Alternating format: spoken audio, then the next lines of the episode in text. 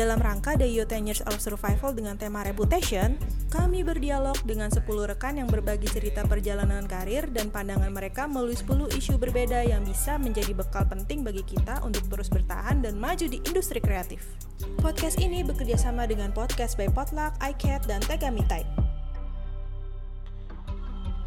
Reputation number one, collaboration dari Cliffstrap. Halo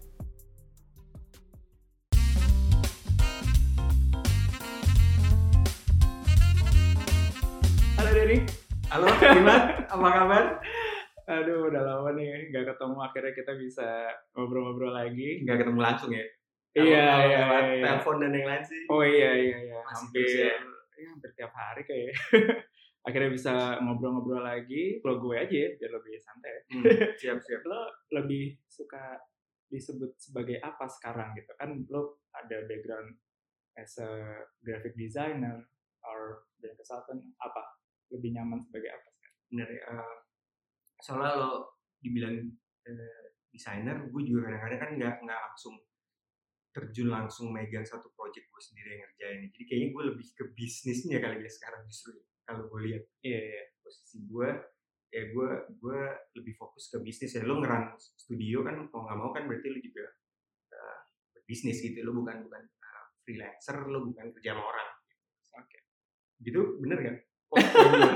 Tapi yang lo maksud di sini nih temanya lo gue lihat nih kolaborasi kolaborasi Iya. ini berarti gimana nih mas maksudnya collaboration ini harus lintas industri atau eh, kita sama-sama di eh, desain grafis misalkan juga Oh, kan iya. banyak nih Ya. spesialisnya sendiri di Ya. dalamnya itu itu termasuk dong Iya Termasuk, sih? termasuk. kan? oke oke Kalau lintas industri justru lebih menarik ya, maksudnya di posisi kita sekarang di era digital dengan perkembangan uh, sosial media dengan uh, website, application pasti Hmm. banyak melibatkan nggak hanya illustrator atau graphic designer kan? pasti pasti. Banyak yang udah udah eh, ngelintas juga sih emang jadi yang tadinya eh, desain desainer grafis dia malah fokus ke foto. Segala macam lah. Udah Oh, udah iya, multidisiplin semua kan sekarang eranya kan. Oke. cocok sih. Jadi uh, kalau ngelihat ke belakang itu lama ketemu tuh di 2014 ya, 2014 ya. yoi udah lama gila Seven 2014. years from now. gara-gara Adgi gara-gara Adi pada saat itu eh, kepemimpinan Mbak Zinia Zinia dan Mas sama Adit, ya. Mas Adit.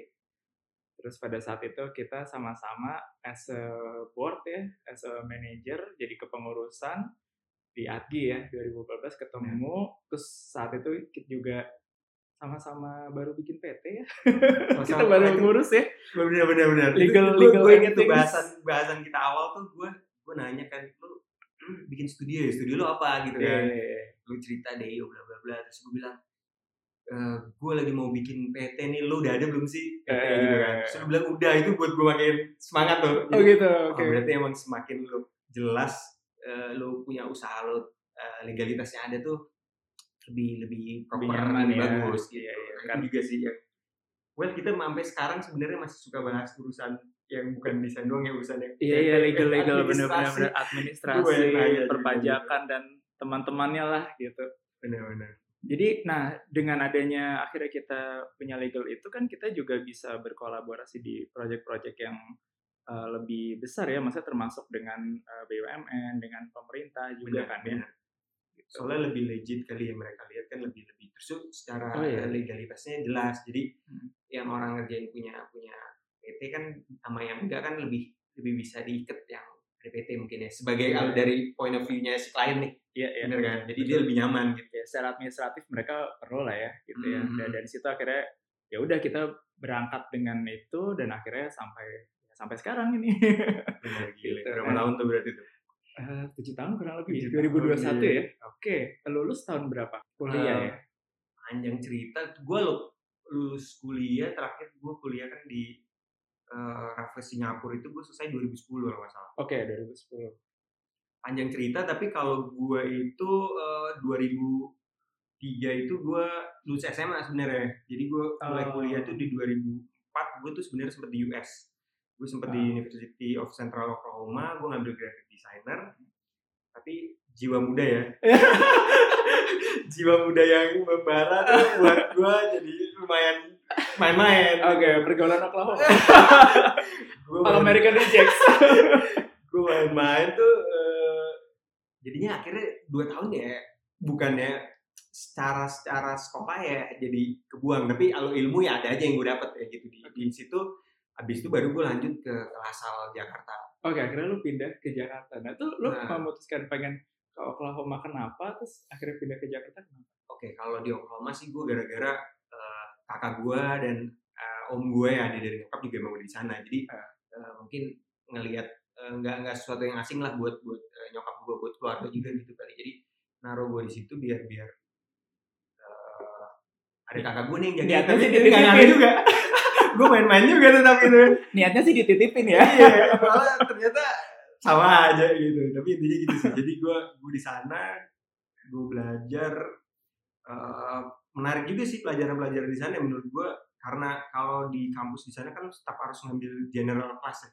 Oke. jadi biarpun lu jurusannya spesifik ke satu nih kayak gue di, di desain grafis gitu. Lo harus ngambil kelas-kelas yang lain nih. American History-nya kelas-kelas yang lain tuh. Jadi jadi kelas yang yang general class itu tetap harus ambil gitu nah malah itu susah juga buat gue gitu Si Oklahoma ini public university atau swasta? kayaknya swasta ya kayaknya swasta, Swasta ya. Oh, soalnya kalau di Indonesia kan setahu gue yang perlu ngambil uh, general Hmm, itu, subjek yang negeri. Ya. Uh, Kalau berarti di sana dapat kal- soalnya yang yang kalau gue nggak salah ya gue yang negerinya tuh ada OU namanya University University Oklahoma doang tapi yang jelas sih yang menarik sih gue di sana pelajarannya basic-basicnya gue harus gambar orang telanjang. Modelnya real. real, real, Oh, real nice. person. dan beda-beda terus. Jadi kadang-kadang Bule-bule dong ya. bule-bule. Oke. bule-bule. Jadi gue pas gue tahu ini lagi live drawing orang telanjang wah semangat gue tapi ada satu saat nggak selalu cewek. Jadi kadang-kadang cowok jadi cowok gue oke gue ngambil either gue ngambil angle dari belakang aja atau gimana kalau enggak ya gue cabut kelas. Iya. tapi salah satu seru-serunya sih kayak gitu terus gue ketemu banyak-banyak orang ini juga apa eh, international student juga ya jadi orang Jepang tuh banyak banget di sana kayak gitu-gitu Oh, sih oke. jadi gue lebih ketemu justru banyak orang-orang dari macam-macam negara aja sih menurut gue Nah, kalau pelajarannya nih, kita bahas yang di US dulu ya, di Oklahoma itu selain live drawing itu yang lu paling suka dan menurut lu ini jadi fondasi yang bagus nih buat gue sampai sekarang tuh apa sih? Hmm, sebenarnya gue nggak bisa nggak bisa bahas eh, lebih ini ya. Soalnya kan kayak tadi yang gue bilang gue sebenarnya juga nggak selesai nih. Jadi gue halfway aja nih baru setengah jalan ya. oke, jadi oke. pertama kan tadi gue baru ngambil kelas kelas yang general class. Hmm. sedangkan yang udah menuju ke seninya gue masih lebih di basic dulu tuh. Dia ngajarin kita gambar dia ngajarin kita ngebikin frame sendiri juga jadi karya kita tuh kita ada Ah. alat-alatnya toolsnya buat kita bikin frame segala macem alat potongnya segala macem tuh lengkap jadi yang buat gue menarik sih itu ya jadi lu misalkan lu desain grafis gitu sebenarnya Hmm. tapi sebelum lu nyampe situ nih lo harus lewatin ini dulu gitu Agak Jadi, nukang ya. ada nukangnya ada lu harus gambar yang manualnya Iya, gitu, iya, iya. sih jadi ya itu sih yang menurut gue beda ya kalau kalau pengalaman gue yang di sini gue nggak tahu sih kampus lain tapi waktu gue di Lasal ya lu langsung masuk udah langsung lo fokus di eh, desain grafis nih softwarenya lu langsung dikenalin nih Adobe gitu-gitu Jadi Jakarta tuh ya. Lasal Jakarta ya Lasal Jakarta Oke. And then eh, kalau di Lasal Jakarta mata kuliah apa yang paling lu suka pada saat itu? Ah, gue se- kan di Lasal Jakarta gue ngambil multimedia jadi Ah. emang gue dapet juga nih sedikit dari dari web eh, web programming Oke, oke. terus animation gitu-gitu tapi ya gue sebenarnya balik ke, ke desain grafis sih yang paling gue suka ya Oke. soalnya yang paling nyaman gue kerjain dan yang gue suka di Lasal itu gue ketemu banyak orang-orang hebat nih temen-temen gue di situ jadi Oke. yang seangkatan sama gue itu gue ada Jordan Marzuki Mhm. di Ballet Cats kan ada Kendra tuh Artmax ada Sela Liunik juga dia di situ sama Aji yang sekarang dia bikin satu kolektif ya Hmm. sama ada Aldo Al- Aldeo itu yang bikin uh, live behind bars Oke. paralel buat sepeda Iya, jadi menurut gue nah itu gue berbarengan tuh jadi di situ tuh uh, bukan bukan jadi pressure sih justru malah lu jadi semangat ini orang-orangnya pada pada pada pada apa ya Passionnya. Hmm, benar-benar setuju gue. Jadi kita ke bawah, kita mau nggak mau ambisius juga gitu. Tapi bukan berarti jadinya wah gue harus harus lebih bagus Hmm. enggak. Gue gue dengan gue kenal mereka, dan mereka dulu juga belum belum eh, belum terkenal sekarang sebenarnya tapi kita Iya. udah tahu lah potensinya bibit-bibit ketika kuliah. Nah, itu, itu sih yang buat gua ini ya. Terus secara eh, guru pelajaran main-main sih main-main juga sih di Lasal tapi yang menurut gua gua paling banyak dapat ilmu pas di Lasal justru. Dan paling enjoy ya di Lasal Jakarta ya Lasal Jakarta. and then abis dari Lasal Jakarta Lasal Jakarta itu gua kalau kuliahnya gua langsung lanjut ke Raffles Singapura. oh, oke Raffles Singapura eh, di situ seru tapi menurut gua biasa sih. Maksudnya ya eh, nggak nggak orang-orangnya nggak seambisius waktu gue di Lasal jadi gue Oke. bener-bener ya kayak ya udah monoton aja lu ngerjain tugas lo apa Hmm. gitu jadi nggak seseru Lasal tetap menurut gue Lasal Jakarta gitu. nah dengan lo dengan lo ambil perjalanan kuliah grafis lo ini nih Hmm. dulu dari kecil itu lo emang ada ketertarikan dengan grafis itu gimana dari gambar apa lo suka Oke, visual atau poster band atau kalau gue inget-inget sih gue awalnya tuh sebenarnya eh, waktu gue kecil tuh almarhum bokap, Hmm. almarhum bokap bokap tuh pernah gambar, jadi di kertas gambar gue nih, oke kayaknya gue either TK kalau nggak baru awal masuk masuk SD gitu. hmm. Eh, dia gambar bagus banget menurut gue. itu pertama kali gue ngeliat orang langsung gambar langsung terus dia lumayan tinggi dimensi terus bokap gue tuh lumayan suka uh, scene-scene perang dunia jadi dia gambar tuh Oh. bener-bener gambar tank mekanik ya uh, uh, terus tuh perspektifnya dapet. Jadi gue pertama kali gue "Hah, dari gambaran tuh bisa kayak gini ya? Gitu. jadi waktu gue kecil tuh gue ngeliat itu yang pertama kali gue tertarik tuh. Padahal bokap gue juga nggak nggak ada hubungannya sama seni ya kerjaannya dia kerja di, di uh, bidang yang beda gitu. Tapi nah seiring waktu gue udah tahu nih gue suka gambar gitu. Hmm. ditambah lagi pas gue SMP itu kakak gue tuh yang nomor gue tuh uh, kuliah arsitek di Hmm. Bandung jadi kakak gue ambil arsitek gue ngeliat kerjaan-kerjaan dia gila seru banget nih bikin-bikin gambar bikin-bikin uh, layout gitu kan. Uh, dengan alat-alat dan mejanya arsitek gitu kan dulu ya. Tapi pas gue deket-deket gue SMA dan kuliah tuh gue bilang apa yang gue bisa ambil juga ya tapi gue masih ada di deket di gambar atau seni lah gitu. Iya. visual ya? Visual gitu. Nah arsitek gue sebenarnya sempet pengen tapi Ah. Gue takut. Gue takut. Gue takut daripada gue malah sotoy gitu masuk arsitek tapi apa gue yang menakutkan di situ? Gue kalau nggak salah ya soalnya kan dia perlu perlu apa ya? Lu bikin bangunan buat bangunan buat orang gitu ya. Iya, iya, iya, iya. itu Ngitung kalau ya? gue salah gimana? Bisa sama aja kayak gue kalau gue jadi dokter gue salah malpraktek gimana nih gitu ya? Gitu. jadi gue beli ngeri ngerinya di situ sih. Risikonya ya? Resikonya gitu. Terus gue setahu gue kayaknya bakal lebih lebih susah aja gitu ya gue nggak tahu sih benar atau enggak tapi akhirnya gue mutusin gue masuk eh, DKV, DKV. Gitu. oke nih kayaknya ini nih gitu menurut gue nih jalur hidup gue nih akhirnya akhirnya lo berkecimpung di grafis ya hmm. Nah, kemudian lo memutuskan di grafis setelah lo lulus kuliah, lo ada kepikiran ah gue mau santai-santai dulu lah, atau lo mau bekerja di satu tempat pada saat itu, atau lo langsung membuat studio sendiri atau gimana? gue sebenarnya ada eh, waktu gue sempat kerja tuh pas gue lulus dari Lasal sebenarnya sebelum gue ke Singapura. Nah di Didato itu Didato Indonesia ya di, di Bintaro itu menurut gue kan dia multidisciplinary design consultant ya. Terus menurut gue bagus dalam under uh, one roof tuh dia ada arsitek, ada product design, ada interior, desain grafis gitu. Nah jadi untuk pertama kali gue yang gue baru masuk, gue langsung tahu nih. Hmm. Itu itu sesuai topik juga tuh kolaborasinya dapat banget. Oh gitu Jadi- ya? Iya kan. The whole spectrum ya? Iya, iya. Jadi kadang-kadang kita ada project satu nih, gue ngeliat nih eh, arsitek masuk, interior masuk, terus desainer masuk nih. Kira-kira apa yang perlu kita masuk nih secara Hmm. secara eh, tampilan visual, bla bla bla gitulah.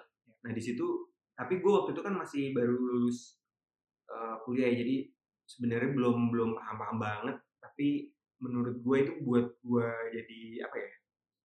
ambisi juga sih. Wah ini Hmm. bisa bisa bisa seseru ini ya. Ternyata bisa desain grafis tuh bisa bisa nyambung eh, tapping ke mana-mana Iya, gitu. bisa Jadi, digabungkan ya? benar-benar. Jadi gue dari situ tuh gue udah ngeliat tuh padahal itu kan tahun-tahun berapa ya? Gue lupa deh 2008 ya kalau salah. Ya. Hmm. Jadi eh, di situ sih. Abis itu eh, gue nggak lama ya gue abis itu lanjut ke eh, kuliah lagi di Singapura.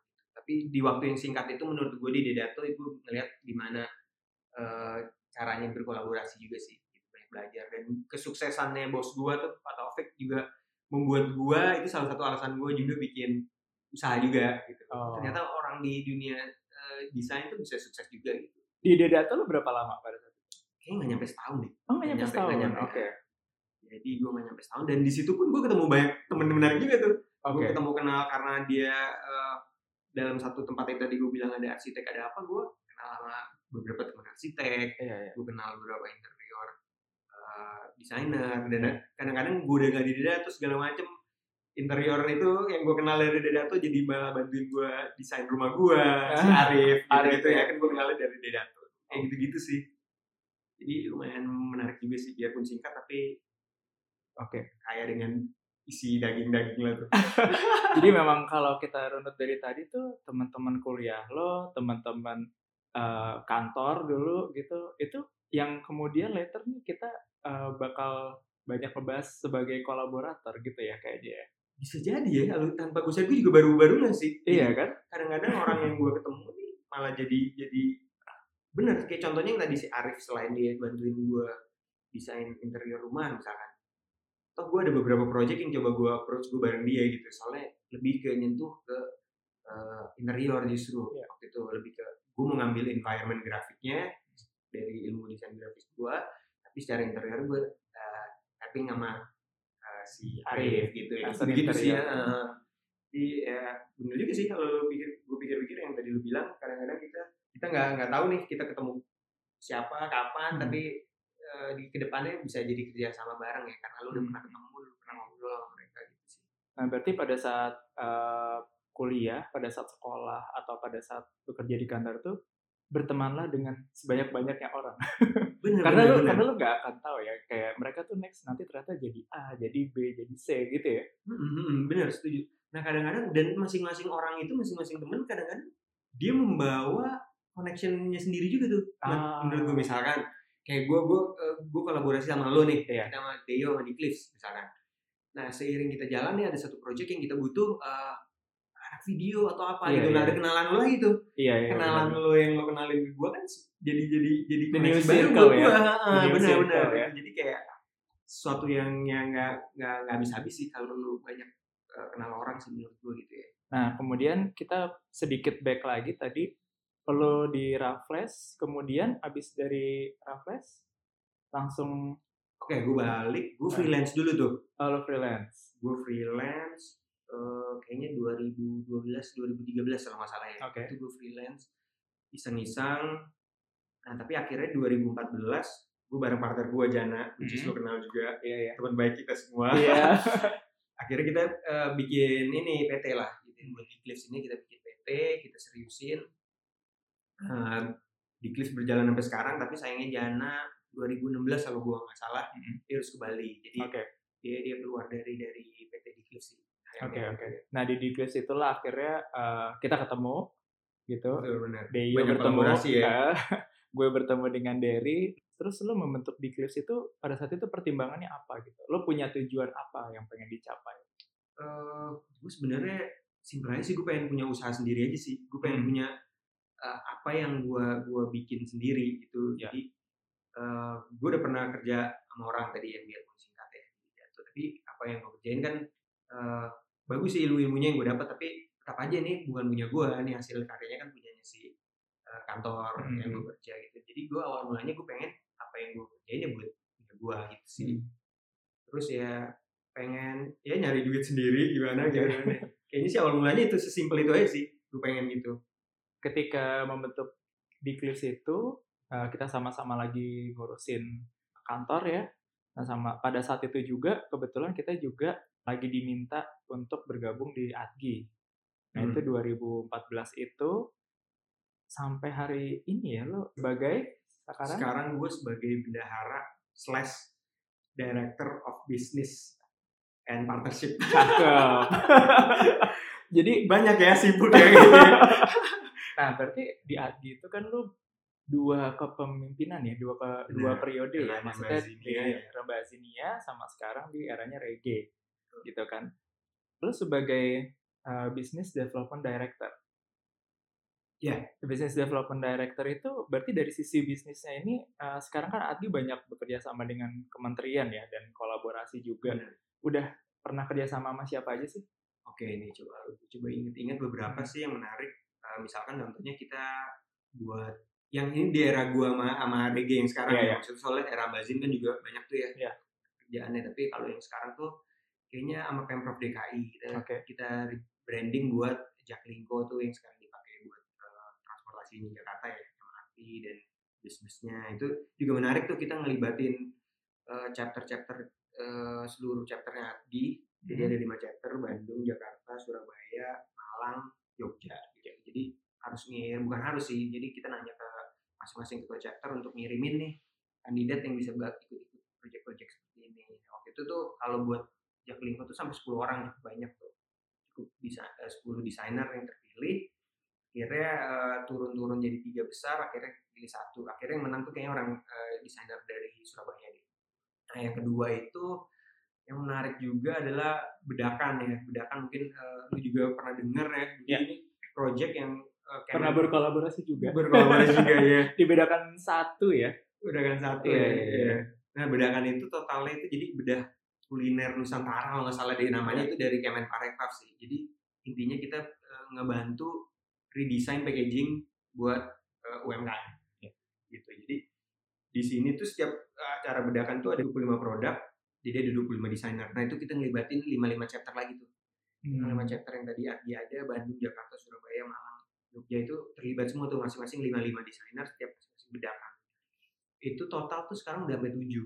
Tujuh berarti udah ada Hmm. 175 uh, Desainer, kemasan UMKM yang kemasan, di redesign sama Ardi itu menarik juga sih menurut gue jadi Secara profesional ya. secara profesional ada yang sampai nangis mat jadi pas dia ngeliat hasil hasil desainnya tuh mereka terharu. Jadi ya banyak yang mereka jadi belajar juga gitu. Nah itu yang mau gua gua ini sih itu juga sih di kolaborasi tuh kenceng banget dengan knowledge sharingnya kali ya Oh, menurut Oke, gue ya. oke. itu itu paling penting sih. Jadi kalau kolaborasi lu paling enggak lu ada dari dari partner lo ini lu belajar sesuatu dan lu juga bisa memberikan sesuatu juga gitu. Jadi sudut pandang lo misalkan lu paham banget nih hal ini ini baiknya seperti ini deh gitu misalkan. Nah, itu kan sesuatu-sesuatu yang yang bagus ya intinya kan buat buat proyeknya lebih bagus. Jadi menurut gue sih eh, itu sih pentingnya ya. Terus kalau yang lainnya sih ada logo HUT RI ya itu sebenarnya kita ngerjain dari eranya Bazin di logo 71 sampai sekarang 76 tapi yang kita pegang kan kayaknya mulai dari 74, 75, 76 ya so far. Gitu. Di arahnya reggae dan ini Nah, ya. nah, nah, itu juga ngelibatin chapter-chapter. Yang terakhir yang menang itu di ada Jakarta masih Sinergi sebelumnya juga masih Jakarta deh sebelumnya lagi baru dari Jogja kalau nggak salah 74 ya itu sekarang tapi kalau logo identity itu sekarang rebranding ya Kemenkop baru launching Ya. kemarin Pak Congrats. menterinya iya nah itu yang menang dari chapter Bandung. Bandung ya Bandung ya. Mas Bima dari Wanara Studio. Nah, itu bagus sih maksud gue ya banyak-banyak ngelibatin chapter kayak gini tuh.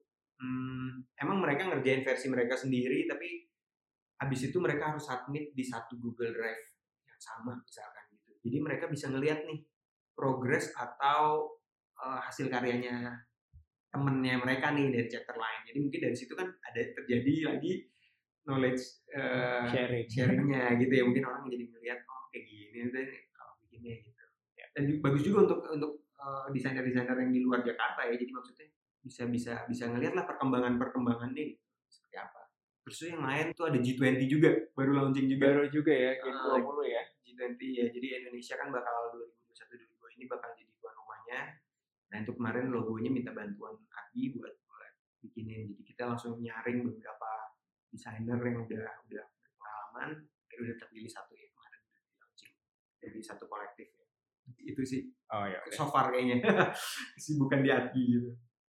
Eh, di ADG ini dengan banyaknya kolaborasi ini eh, boleh ceritain nggak prosesnya nih biasanya gimana sih kalau ada kementerian atau eh, satu lembaga tuh mau bikin acara atau mau bikin satu agenda biasanya brand identity ya logo ya Hmm, hmm. gitu. Nah itu prosesnya di ADG gimana nih nyari desainernya dan sebagainya. Oke, per- pertama sih eh, pas kita meeting sama mereka nih sama, sama kementerian biasanya kita udah ada formulanya nih, Mat. Jadi Hmm. kita udah pakai uh, formula yang udah kita siapin nih. Jadi biasanya kalau kita mau kerja sama lagi seperti ini nih, ada ada step 1 sampai 9. Nah, gua nggak salah nih, gue inget-inget. Misalkan, oke ntar uh, dari ADGI kita nggak bakal uh, membuka ini sayembara terbuka. Jadi Hmm. eh, kita harus ada ada spesifikasinya lah buat orang yang mau ikut. Jadi nggak bisa secara massal. Kenapa? Karena kasihan orang-orang yang misalkan belum belum cukup nih, misalkan pengalaman atau desainnya buat ikut, tapi jadinya dia dia berharap kan dia ikut dia jadi yang masuk sampai banyak sampai ratusan segala macam, tapi yang pilih cuma satu gitu. Jadi eh, justru kita create dari portfolio dulu Oke. portfolionya disubmit yang bagus-bagus yang ki- kita saring nah biasanya udah sampai 10 besar atau lima besar baru itu yang kita kasih brief Hmm. jadi kita kasih brief ini projectnya segala macam bla bla bla jadi mereka mulai desain dari itu dan orang yang udah terpilih itu yang dapat brief biasanya tetap dapat eh, pitch fee juga dari ADI jadi dari total project itu yang kita sepakatin yang menang dapat sekian yang udah ikut eh, ngerjain desain juga tetap dapat fee-nya. Biarpun nggak nggak banyak tapi ada uang capeknya. Jadi Oke.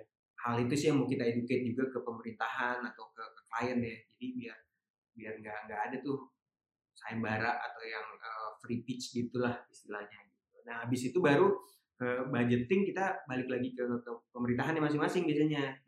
Jadi biasanya biar biar eh, proyeknya juga bisa cepat berjalan kadang-kadang waktunya juga biasanya mepet-mepet gitu kan. Eh, harus under berapa sekian. Nah itu Ya. kita bisa nyesuaiin sih langsung gitu. Nah, Oke. untuk untuk desainer desainer juga biasanya ikut karena ini dari Adi juga mereka juga ya udah nggak apa-apa kita ngebantu Adi which is ngebantu industri juga segala macam gitu ya. Jadi kalau gue lihat sih eh, seperti itu sih step-stepnya Karena yang penting eh, secara timeline jelas dan juga cocok dengan budgetnya dan juga yang pun dari bentuk sayembara ini yang menang dan yang kalah tetap dapat ya Dapat fee-nya. ya gitu. Jadi desain itu lebih dihargai. Desain harus grafis kita lebih coba bener-bener Iya, iya, iya. kadang-kadang kan soalnya kan kalau orang yang nggak tahu ya udah langsung kayak pernah gue di kontak orang gue lupa jadi dia ada lomba apa mau ngundang Aki udah tengah-tengah jalan udah mau selesai nggak jadi juri gue bilang oh prosesnya seperti apa nih? Iya. berjalan udah berjalan nih udah udah ada satu berapa ratus ini gini gini. Sorry gue bilang kita nggak bisa kalau kita harus kalau mau Ati terlibat kayaknya Ati harus dari awal justru gitu nggak bisa nggak bisa di akhir. Soalnya eh, kita ada ada etik kali ya istilahnya Iya, ya yang kita nggak bisa nggak bisa diin. Tiba-tiba nimbrung aja tanpa Ah, ada terus juri lah ini siapa nih? Gitu Iya. kan lo, lo- lo menangin siapa? Gitu kan terus ada nama Ati di sana kan bahaya juga Iya, gitu jadi kadang-kadang ada beberapa yang kayak gitu gue tolak juga sih jadi kita nggak bisa ikut Jadi memang di situ ada proses uh, kurasi, terus kemudian juga dilihat juga mekanismenya seperti apa. Nah, dari- itu yang coba dijaga Hmm, ya. dari pengalamannya segala macam gitu tuh dilihat tuh Oke, di Adgi, eh, lo berkolaborasi dengan berbagai institusi, pemerintahan juga. Nah, lo punya teman-teman yang eh, sekarang karirnya juga asik-asik, seru Hmm. gitu. Di Diclips juga kayaknya lo juga selain sama gue ya gitu dari dari yang gue lihat juga kayaknya eh, kita juga sering berkolaborasi sama ya itu tadi teman-teman lo selama kuliah ya akhirnya sekarang ada yang jadi illustrator, ada yang jadi fotografer. Nah, siapa aja nih yang pernah ikut lo ajak berkolaborasi as a Oke. Diclips? banyak sih tapi ada beberapa yang gue inget favorit favorit aja nih Ya, silakan silakan. Apa ya gue sama Deo udah pasti gue sama kantor kantor lo mat udah banyak banget kita kerja sama Thank you. Eh, macam-macam project juga ya Macam-macam ups beda-beda. and down dan gila-gila. sama Ampersand juga pernah Mbak Zinia Zinia ya. sama Vicious pernah sama Reggae ya. Ya ya uh, Vicious Reggae Grafik itu Rama kan ya Iya, iya. dulu namanya apa ya gue lupa di kantor dia sekarang CDS, CDS. oh iya Sekarang jadi iya. Nah, kalau dari kantor-kantor desain sih kurang lebih itu ya, Iya. kolaborasi. Kalau dari ilustrator tuh seingat gue ada ada Jordan Marzuki, ada Talita, Hmm. Catherine Karnadi yang gitu waktu itu proyeknya juga gue kolaborasi sama lu kita ngerjain iya. eh, buku Kementerian Keuangan. Keuangan. eh, Annual annual report ya. betul. itu. Nah, itu kan gue come up dengan ide pakai eh, kenapa nggak dibikin watercolor illustration nih? Siapa yang bagus Iya, nih? iya, iya. Catherine Karnadi nongol namanya. Kita kontak kita kerja sama. Waktu itu kita sempat bikin uh, konsep ya dari kita waktu itu kalau nggak salah gue baru pulang dari Bali terus ada konsep ya itu petani ulat sutra dengan sustainability-nya dan akhirnya Bener. akhirnya pas gue cerita ke lo lo bilang oh ini bagus nih gimana kalau pakai Digabungin. ilustrasi nah Iya. dengan dengan konsep yang kita bawa itu tadinya kan mungkin itu bukan satu hal yang uh, biasa ya di kementerian terus kemudian come up dengan konsep yang lumayan tradisional dan uh, nature Hmm. dan udah gitu digambarin dengan ilustrasi gitu. Jadi pada saat itu kita lumayan lumayan kekeh ya, lumayan Iya, iya, memperjuangkan iya, konsep makanya. itu ya. Jadi, jadinya lumayan unik juga tuh proyek itu buku yang harusnya formal banget, ya kan? Iya. Isinya Laporan keuangan untuk Kementerian Keuangan. keuangan. Tapi kita bisa ngemas dengan tadi filosofi yang uh, ulet apa tadi Petani Ulat Sutra. petani ulat sutra disampaikan dengan Ilustrasi. ilustrasi watercolor gitu. Jadi menarik dari warna-warnanya juga mungkin orang mungkin jadi nggak mau nonton juga ya bacanya gitu ya. monoton. Jadi nggak cuma nomor sama layout doang gitu. Iya, iya. Ya, itu sih salah satu contohnya juga gitu. Misalkan al fotografer tuh gue lumayan beragam nih dengan justru gue ada kenal beberapa fotografer yang gue kerja sama dari klien gue justru jadi klien gue tuh hire di Cliffs ternyata dia udah hire juga nih si fotografer nih waktu itu eh, ada Marsio Juwono ada Eric Karnadi itu mereka itu eh, waktu itu foto buat produk produk lantai kayu segala macam gitulah menurut gue eh, pengalaman yang menarik juga ya eh, Marsio Juwono juga kan cukup nama namanya juga bagus banget di di dunia foto so ada Arwan juga dan macam-macam sih mungkin kalau digital gue pernah sama Filmora which Iya, gue dapet iya, iya. koneksinya karena gue kolaborasi dari lu juga Dari gitu. Bazin juga. dari Bazin juga gitu ya Iya. kalau desainer beragam sih ada Yona ada Krisna ada Chandrani yang gue kita kenal dari programnya Adi Oh, Oke. pernah gue ajak kerja juga terus ada Oki ada Sela Marcella Liunik which is teman kuliah gue yang jadi Iya. art director gue juga nih di Diklis terus ada Ganda dan lain-lain gitu Iya, sih iya. kayak enaknya kolaborasi itu menurut gue man. jadi Seru ya. jadi lu bisa bisa nyesuaiin aja jadi misalkan lu dapat project terus eh projectnya lebih ke apa nih Eh, lu kuasain 100% nggak nih? Misalkan gue di di Clips dapat project gue kurang menguasai nih 100% gue Iya. harus ajak orang untuk berkolaborasi. Iya. nah orang yang bisa nempatin another kekurangan siapa nih? Nah dari situ kan baru carilah. Pertama dari dari orang-orang yang gue kenal segala macam. Akhirnya kita kerja sama itu sih. Hmm. jadi kayaknya indahnya berkolaborasi. Nah itu lo untuk bisa ngajakin uh, teman-teman lo berkolaborasi ini, lo punya trik khusus atau biasanya gimana sih? Eh, pertama sih gue harus harus yang gue nyaman dan gue kenal dulu dulu sih. Jadi gue gue either gue udah pernah eh, kerjain di project lain berbarengan kita bikin bareng atau gue kenal di temennya dari siapa gitu. Pokoknya eh, soalnya kan banyak juga orang-orang yang cukup sebenarnya jago ya. Tapi eh, mungkin nggak cocok buat gue juga gitu. Jadi gue Oke. segan juga buat gue ajak kerjasama gitu buat gue kol- kolaborasi maksud gue jadi jadi emang benar-benar harus harus melihat cocok atau enggaknya dulu sih menurut gue itu paling utama buat gue jadi kalau emang cocok nyaman baru deh gitu. Soalnya ada nih secara secara skill secara pengalaman dia lebih lebih bagus. Tapi gue ngeliat aduh kayaknya gue nggak bisa nih kayaknya gitu kan. Kayaknya segen nih gue ngajak misalkan atau orangnya sombong atau apa lah gue nggak tahu lah gitu. Kalau kalau kalau nggak nyambung kan males gitu kan tapi ya gitu sih.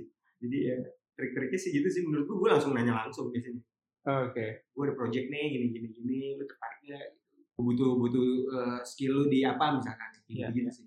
Nah itu biasanya dari orang-orang yang udah lo pernah kenal sebelumnya. iya biasanya. Nah itu uh, dengan dengan lo bersosialisasi, berorganisasi di ADGI itu membantu menambah list teman-teman lo dalam Nambah, berkolaborasi. nambah banget tadi yang kayak gue bilang tadi misalkan ada desainer yang gue kenal dari program Adi dia ada dia bahkan orangnya di Jogja gitu kan Oke. nah itu gue bisa bisa kerja sama sama dia kolaborasi di project waktu itu tuh project eh, packaging juga nah kenapa Hmm. nih nyambungnya jadi Ah. waktu itu di Adi itu project yang tadi gue cerita bedakan Iya. ada bu- kemasan kan nah ini eh, gue lihat eh, desainernya bagus gue ada project yang berhubungan dengan packaging juga akhirnya gue coba aja kerjasama nih si Chandrani ini gitu. jadi kayak gitu sih jadi gue udah pernah terlibat di project yang lain gue udah kenal dan pas gue ada project gue gue ingetin nama-namanya gitu siapa yang yang yang cocok gitu. sama kayak foto kayak ganda kita pakai Iya, waktu iya. itu kita project uh, dikit sama Deo kita ngerjain photoshoot ya Iya. kita butuh digital artist yang jago siapa buat sama ganda kan bagus gitu ada ganda kan bisa bantuin kita buat buat ngedit segala macam BI seperti itu sih di luar nama-nama yang udah pernah lo ajak berkolaborasi nih, ada nggak sih sampai sekarang nih atau saat inilah yang lo kepikiran, gue nih pengen nih berkolaborasi sama orang ini tapi lo belum kesampaian. Tapi bisa nih kayaknya gitu. Oh gitu ya, kayaknya Iya, bisa ya. Kayaknya bisa. Siapa gitu? Kalau kalau pengen sih gue sebenarnya banyak Mat. banyak banyak. banyak. Oke. Balik lagi kadang-kadang kan tergantung projectnya. Hmm. Misalkan nih contoh, gue gue dapet project yang lebih ke eh, arsitektural atau Hmm. environment yang ada langsung nongol di gue. Misalkan gue mau kerja sama adalah Andi Sae misalkan. Oke. belum kesampaian sih sampai saat ini tapi contoh-contohnya ada gitu misalkan gue sampai gue ke depannya gue ketemu project seperti ini gue gue bisa coba ngajak dia either dia mau atau enggak gue nggak tahu sih gitu kan si Andi gitu. Tapi ya, ya intinya kayak gitu sih. Tapi kayaknya banyak sih yang pengen gue ajak. Misalkan kayak ini yang gue pengen juga tuh motion. Jadi gue di Oke. Diklis tuh jarang dapat kerjaan yang digital Hmm. lebih ke motion ya. Jadi gue kadang-kadang eh, kalau ada gue pengen nih ngajak siapa ya Jadi sebenarnya kalau dari lo lebih menyesuaikan based on project gitu ya. itu itu, itu, itu ya menurut gue itu sih. Lo sudah terbiasa ya berarti ya dengan ada ngajak orang buat project A, nanti orang beda lagi buat project B. Flow kayak gitu, eh lo menikmati? nikmati sih menurut gue gue Menikmati. suka sih tapi kalau lu nanya misalkan lu lebih lebih pengen kayak gitu atau pengen punya uh, uh, kantor yang full tim dia punya beragam skill misalkan Iya. gitu ya itu menurut gue menarik juga tapi belum pernah kesampaian sama gue ya gue nggak punya punya uh, uh, isinya di list tuh uh, full time beda-beda skill. Gitu ya. banyak orangnya banyak gitu. Gue nggak pernah. Jadi gue lebih ke uh, kolaborasi itu sih. Soalnya kalau gue ngeliat mungkin bagus juga ya kalau lo punya tim gitu dengan ber- berbagai macam skill. Uh, tapi uh, mungkin lo jadi punya satu style juga ya which is bagus juga ya. Iya, iya. jadi udah uh, konsisten lah dengan style itu nah kalau gue justru ngeliat kebalikannya gue ngeliat Hmm. ya lebih dengan gue berkolaborasi gue dapat output yang beda-beda man Gitu. Hmm. Nah, dan yang tadi gue bilang ya sharing knowledge itu terjadi terus tuh. Jadi dari orang-orang yang lebih paham di bidang apa yang berhubungan dengan proyek tersebut saya dapat nih gue ilmunya gitu. Ya lo gue lihat sih kayak gitu ya. Jadi gue lebih ngeliatnya proyeknya apa dulu baru orang yang ngerjain nih menyesuaikan nih siapa aja gitu. Sedangkan kalau gue punya tim yang udah eh, stuck gitu ya bukan stuck ya jadi Udah settle gitu. udah ya. settle di, di, di under one roof gue nih misalkan ya berarti kan gue harus bekerja dengan itu biarpun bisa juga sih sebenarnya ya tapi Iya. kalau lu udah punya tim segitu banyak lu masih eh, nge-guide lagi kan ya Resource-nya lumayan. Iya. jadi poinnya itu sih menurut gue keep it small tapi ya Ya. banyakin kolaborasi aja Jadi kalau buat lo sekarang nih, lo lebih ke dibandingin punya staff dari latar belakang macam-macam tadi, lo lebih lebih seneng berkolaborasi dengan berbagai macam. Iya, untuk saat ini ya, Kreatif sini ya. ini dan dan itu dari yang beberapa waktu yang lalu kayaknya gue kayak gini sih. Oke, Jadi gue eh, enjoy juga sih menurut gue, gue suka aja. Sekarang kalau kita tanya suka dukanya nih, kan pasti ada aja dong kolaborasi yang gue udah ngajak ini dengan timeline segini, gue pikir dia gimana tapi ternyata ekspektasinya beda gitu ya. Ini mau jawab sukanya dulu apa dukanya dulu nih?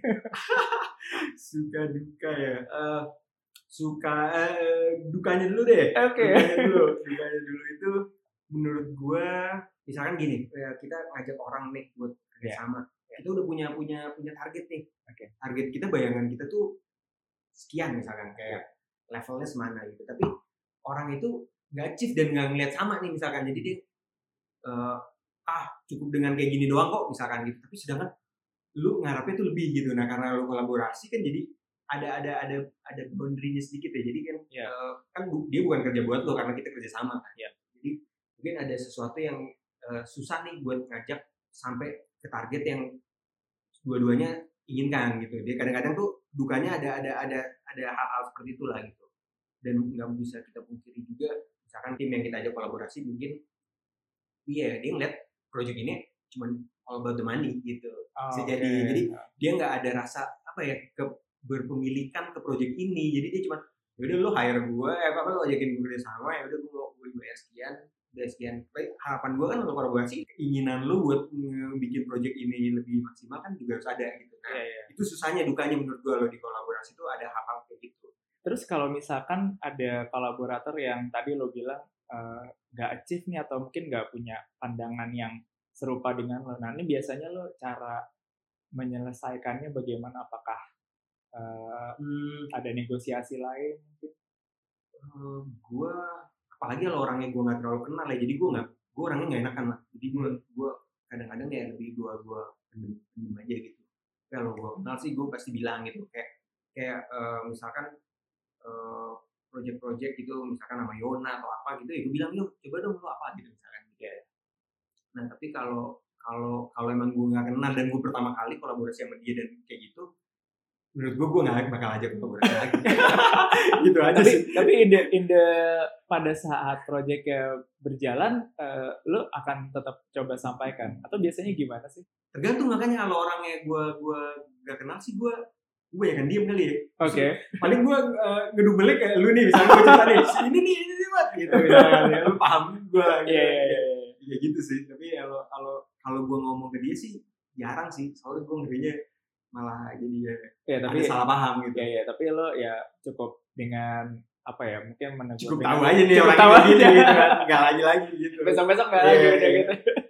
Gitu sih. Eh, banyak banyak eh, banyak trial and error juga ya tapi memang ya itu maksudnya dengan koneksi dengan teman yang udah kita bangun Hmm. ya mungkin itu membantu kita juga buat memilah lah ya kira-kira siapa nih yang kita bisa ajak kolaborasi dan dalam bidang apa dia lagi sibuk atau enggak juga gitu ya. Mm-mm, sama kayak kayak yang tadi gue bilang kan misalkan kalau kolaborasi menurut gue tadi yang pertama kali gue lihat eh, nyamannya Hmm. jadi gue pengen eh, ini orang harus gue tahu nih kira-kira orangnya kayak gimana gitu. Soalnya lo enggak tuh udah udah kayak gitu pun aja masih ada kecolongan juga gitu kadang-kadang Iya, kan oh ternyata pas sudah lagi lagi ngobrolnya enak nyambung tapi pas kita kerjain bareng ternyata eh, temponya beda atau atau Iya. ininya beda ya ada ada aja lah tetap hal gitu. Yang bikin lu suka dan nggak kapok nih Wah, ya, berkolaborasi iya. dengan orang-orang. Kolaborasi. Mungkin kalau in general ya itu kali ya sharing knowledge sudah pasti oke bakal dapat terus tapi kalau salah satu contoh eh, kolaborasi yang pernah gue lakuin nih jadi waktu itu di Clips itu pernah dapet project Hmm. pem- dari salah satu pemerintahan bikin modul modul yang ribuan halaman Oke, ini ini ini ini gue tahu. Buat pihak-pihak yang terlibat pasti tahu dan agak look back nih, throwback nih ya. tapi Oke. ini menurut gue masuk kesuka nih setelah kita udah udah udah udah Oke. ngelewatin project Boleh tahu modul bukunya itu berapa buku banyaknya? jujur gue sampai lupa saking banyaknya tuh nggak lo Apa ya? Belasan mungkin? itu berapa jenis modul dan satu modul itu ribuan halaman Oh, Ya. oke. dan itu waktu itu gue dapet projectnya terus gue langsung mikir nih gue harus kolaborasi gue di Clips ngerjain sendiri meninggal nih asli gitu Tapi pada saat itu lo lo dipercaya ya untuk memegang project ini gitu. Percaya, iya iya waktu itu untungnya ya gue Eh. dipercaya untuk megang project itu akhirnya itu gue langsung kerja sama pertama kan sama lo Dio sama eh, Mbak Zinia Persan ada eh, Rama juga kan grafik yang tadinya sebelumnya apa CDS. CDS kita gitu. cari tim ya. cari tim itu tuh totalnya tuh kalau gua nggak salah tuh desainernya 10 sampai 15 orang Oke. gitu dan itu dan yang bikin gila kenapa gua mau sharing ini karena kita harus ada nyewa hotel sama kalian meeting room ya beberapa kamar dan kita stay buat seminggu buat ngerjain project ini itu menurut gua kolaborasi yang gua nggak bakal pernah lupa sih Massive ya. masif banget itu Iya, kita iya, tiap iya. hari kita ketemu breakfast bareng makan siang bareng segala macam balik lagi ke ngerjain ke, ke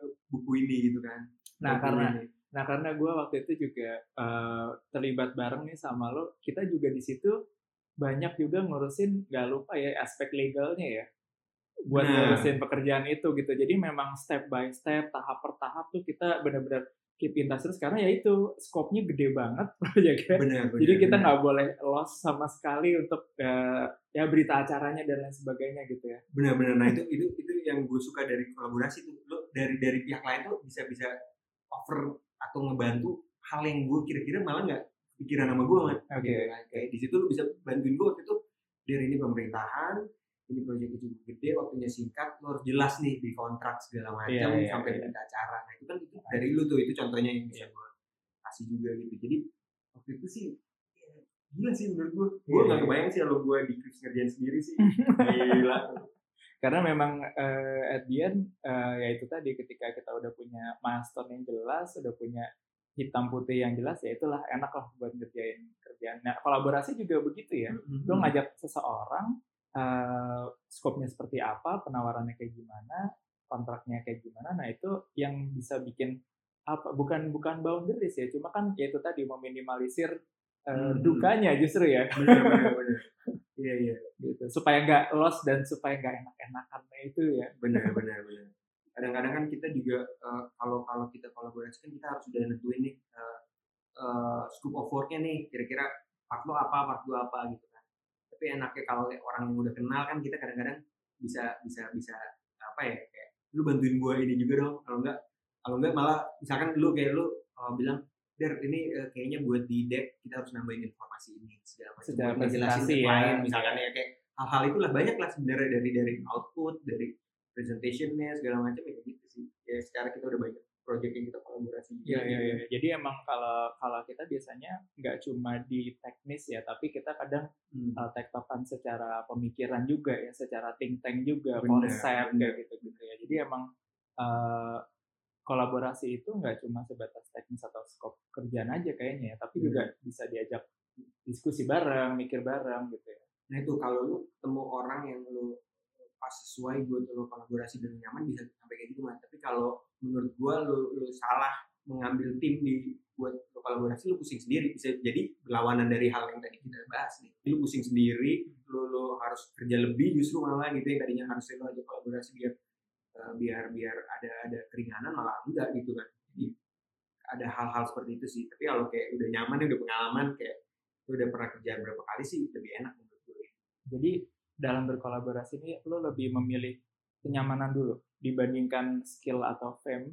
menurut gua ya, perta- pertama sorry kalau pertama mungkin skill ya. Soalnya tadi kalau gua, gua bilang ke lu kan projectnya apa gua harus ngelihat orang yang yang sesuai buat ngisi eh, di project itu. Jadi skill tapi abis skill menurut gua ya kenyamanan dulu sih. Oh, nyambung enggaknya, terus lo kenal berapa lama sama dia gitu ya. orang pacaran gitu kan. PDKT Gimana dulu gitu ya. Bodinya oke nggak nih Aduh, body kamera maksudnya, Body body kamera. terus Aduh, balik balik balik yang lain-lain lah budget apa timeline gitu ya. Karena kalau misalnya udah nyaman, yang ngobrolnya itu biasanya cincai lah ya, benar gitu ya. Oke. Nah, ini dalam dalam perjalanan lo tadi di kes berapa 2014 secara iya sampai sekarang bikin- berarti udah tujuh tahun lebih berjalan. Nah, lo punya saran nggak buat teman-teman eh, di industri nih, buat atau mungkin teman-teman yang baru mau mulai atau mungkin terinspirasi kayak lo, gue mau punya studio sendiri atau gue mau jadi eh, mau bikin brand sendiri. Oke. tentang pentingnya berkolaborasi ini ada saran nggak? kalau menurut gua kalau lu uh, ragu nih atau pertama kali lu mau berkolaborasi sama orang menurut gua cobain aja. Dulu maksud gua gak ada salahnya kok Lu- tapi lu harus benar-benar uh, pilih lah kira-kira orang ini sesuai secara skill buat bantuin lo dan uh, lu kenal juga gitu. Terus ya baru yang lain-lain tadi. uh, masuk dan segala macam gitu. Jadi uh, menurut gua kolaborasi ya itu tadi sharing knowledge pasti dapat ada. Terus lu bisa memperkuat juga di eh, suatu project gitu. Jadi project itu ja- jadi lu mateng instead of kerjaan sendiri lu paksain nih eh, malah kurang maksimal mendingan lu ajak orang biar yang penting intinya kan project ini berjalan dengan lancar dan hasilnya baik gitu dan everyone happy gitu ya kan. Iya. dari kan? Klien happy segala macam. Nah itu menurut gue yang terpenting sih gitu. eh, teman-teman yang mau orang-orang yang mau kolaborasi silakan sih menurut gue harus sih kayaknya gitu dan eh, mungkin yang gue inget juga nih Mat jadi eh, jadi gue pernah inget tuh kita ada acara chit chat Adi Eh, waktu itu kayaknya 2015 atau 16 narasumbernya Pak Hermawan Tanzil sama dan Pak Danton Siombi Oke, itu Leboye dan Intara ya. Saya Nah, kita ya. nah itu itu eh, kan sesepuh nih eh, Oke. master masternya dulu deh jadi waktu itu ada salah satu peserta gue lupa ada yang nanya gimana sih eh, perkembangan industri graphic design di Indonesia nih dari 10 sampai 20 tahun ke depan seingat gue tuh jawabannya mereka gitu atau pasti Pak Hermawan bilang kayaknya kemungkinan ke depannya studio itu akan dia akan berkurang atau akan sedikit dengan yang timnya besar. Jadi justru smaller team studio-studio ini, tapi eh, kolaborasinya meningkat gitu. Itu- jadi kata-kata itu yang gue inget, ini udah gue laku. jadi jadi itu yang gue, gue bilang ini kan eh, dari kata-kata sesepuh ini berarti kan dengan pengalaman dia yang udah iya. di karir 35 tahun kan berarti bukan main-main gitu ya Iya, iya. dia bisa melihat ke sana jadi menurut gue yang bikin gue makin semangat berkolaborasi aja sih jadi kita semua tim tapi banyakin kolaborasi gitu jadi bukan berarti lo tim lo kecil dan scoop lo cuma di situ doang enggak justru tim lo kecil tapi lo bisa ke mana-mana dengan kolaborasi gitu. jadi lo bisa ngambil yang ranah-ranah atau area-area yang yang lebih luas menurut gue itu sih yang belum pernah lo kerjakan mungkin sebelumnya Hmm. jadi bisa lo kerjakan dengan adanya kolaborasi itu. iya Jadi- menurut- Smaller team, collaboration with uh, smaller team, tapi big impact gitu ya.